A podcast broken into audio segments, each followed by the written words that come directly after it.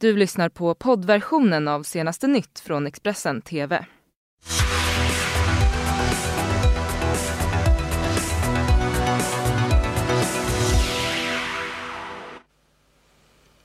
God morgon och välkommen till senaste nytt här i Expressen TV med mig Karin Bülow Det är dags för nyheter.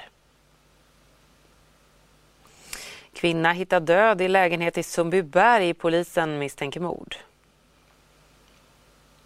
Expressen har granskat de svenska pensionärerna som dömts för grova narkotikabrott.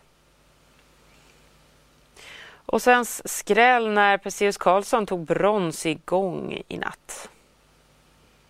Ja, en eh, kvinna hittades alltså död i en lägenhet i Sundbyberg sent igår kväll. Polisen misstänker mord och platsen har spärrats av.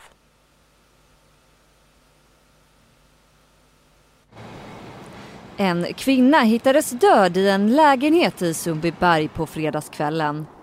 Polisen misstänker mord och har startat en förundersökning. Samtidigt så kunde en person gripas på platsen. Peter Asp som är vakthavande befäl på Stockholmspolisen berättar att när de kom till platsen så fanns två personer i lägenheten. En var död och en levde. Han säger att det då var naturligt för polisen att intressera sig för den andra personen. Utredningen fortsatte under natten mot lördag med bland annat en teknisk undersökning.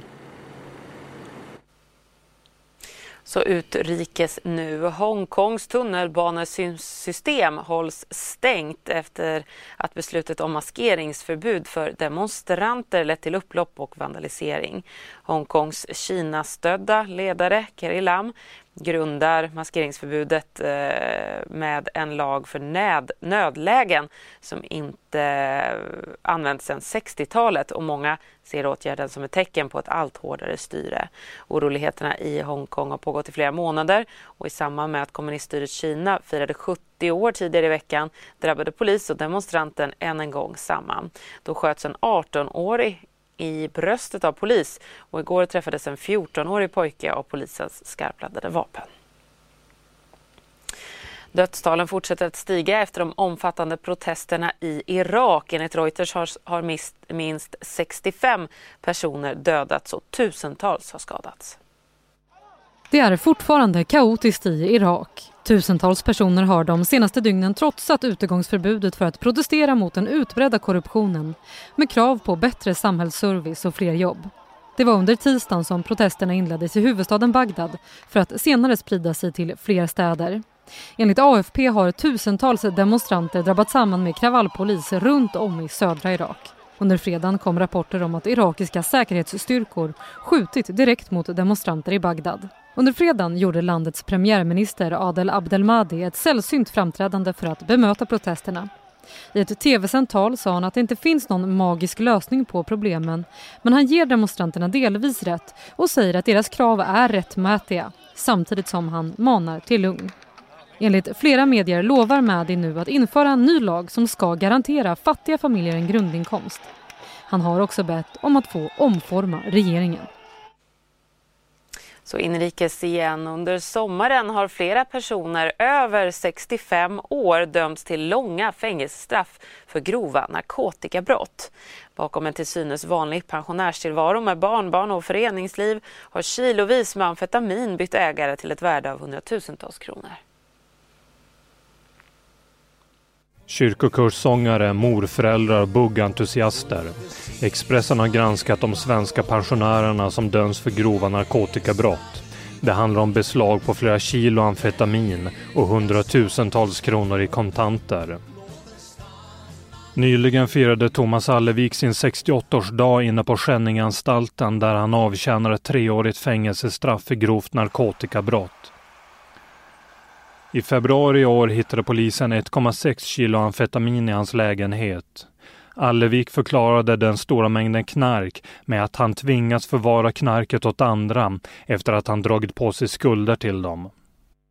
Finns det någonting som eh, styrker att det ska då ha varit personer som har förvarat det här amfetaminet hos dig annat än att du säger det? Det vet jag inte men både tingsrätten och hovrätten trodde ju på det i alla fall.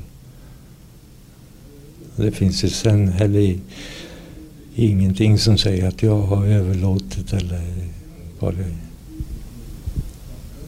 jag har haft, eh, hållit på med sådana mängder. Innan polisen slog till mot honom ägnade han sina dagar åt engagemang i en pensionärsförening och en biljardförening. Han hjälpte också till med klädinsamlingar för att hjälpa hemlösa. Men det är klart jag vill återgå till samma liv fast utan droger. Han kommer ut. Leva ett mer kanske normalt pensionärsliv. Ja, lugn och ro. Men det finns fler fall där pensionärer begått grova narkotikabrott. Nästa, Bålsta. Slutstation. Här på pendeltåget så åkte ledaren för knarkligan, 66-årige Jan-Erik Hermansson från Sundbyberg på pensionärsrabatt tillsammans med två ökända knarkbrottslingar i våras. Polisens spanare såg knarkligan försvinna in i ett skogsparti här i Bålsta nära pendeltågsstationen. När de kom ut så hade de med sig drygt två kilo amfetamin. Hemma hos eh, knarkligans ledare, pensionären, så hittades sen 158 000 kronor i 500-lappar. Det är en summa som motsvarar värdet på knarket i grossistled. Ledaren för knarkligan han förklarade sen den stora summan pengar med att han blev tvungen att spara eftersom att hans pension är så låg. Expressens granskning visar att bara under sommarmånaderna så har fyra pensionärer dömts för grovt narkotikabrott. Där har vi till exempel 67-åringen som kombinerade att sjunga i kyrkans kör och dansa bugg med att hantera stora mängder amfetamin. Eller den 77-årige pensionären som hade flera knarkgömmor vid sin fritidsbostad. Samtliga dömda nekar till brott. Läs hela granskningen på Expressen.se. Redan igår återupptogs kontakterna mellan USA och Nordkorea på svensk mark under förberedande samtal inför dagens möte.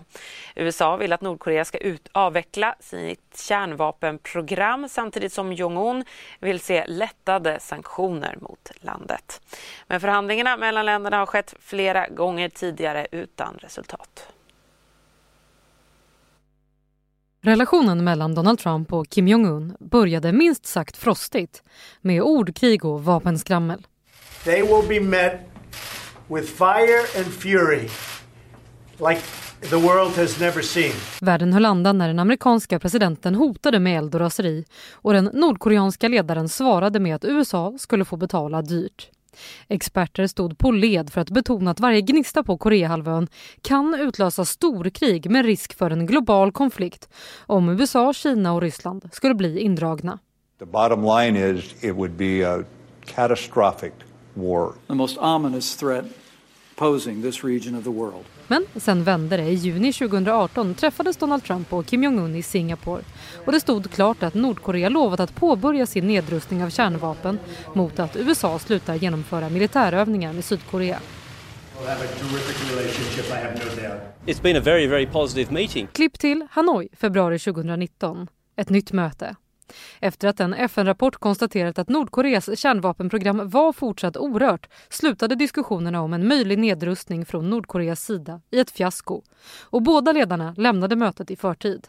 Uh, both sides were not able to bridge the gap. Men i juni blev Trump historisk när de båda ledarna för tredje gången någonsin träffades i Sydkoreas demilitariserade zon genom att gå 20 steg på den nordkoreanska sidan av gränsen. And we liked each other from day one. And that was very important. Mötet med Kim Jong-Un blev dock kort, väldigt kort. Ledarna träffades bara i några minuter under vilka de skakade hand och fotades. Nu finns det uppgifter om att USA kan tänka sig att lätta på några av sanktionerna mot att Nordkorea stänger ner sin stora kärnanläggning. Ska vi tro de uppgifterna så skulle USA och Trump alltså vara beredd på att, ta, eh, att man tar eh, mindre steg framåt för att till slut nå det som är slutmålet, nämligen en total kärnvapenavrustning. Det blev en historisk medalj för Sverige i friidrotts-VM i Doha igår. 29-årige Perseus Karlström knep bronset i 20 kilometer gång. Den första svenska VM-medaljen igång på herrsidan någonsin. Jag har fått ta så mycket skit för att vara gångare. Så mycket. Eh, ända, alltså ända, ända sedan jag var, var liten så är det folk som har som har skrattat åt mig. Eh, eh man, har, man har fått då träna på, på avlägsna platser för att alltså det, man, vill inte, man vill inte ta negativt kritik från, från folk som, som skrattar åt min, mot, mot, min idrott. Eh, och Ludvig har typ varit den, han har ändå eh, trott på mig jättelänge. Nu vet han ända sedan, sedan 2015 liksom att han har varit kanske den på media som har visat att ja, men du, är liksom, du är en cool kille och, och gånging. Eh, det, det är nog en schysst idrott. Så att, eh, att, att han har ändå, även fast jag haft tunga mästerskap eh, Även jag menar OS, jag var i jättebra form men eh, jag hade otur och blev, blev sjuk innan i, i London så var jag övertränad och i Berlin så fick jag ett ryggskott innan. Eh, men han har ändå liksom alltid trott på mig, varit positiv. Så att, att han har varit en, en från medien då som har liksom visat intresse i, i, över hela åren ändå har betytt otroligt mycket. Så att, vad har det betytt generellt sett att ha folk omkring dig, inte bara då från media utan också tränare, familj, när du har liksom fått de här motgångarna och fått, fått höra ett och annat? Nej men det, alltså absolut så betyder det jättemycket.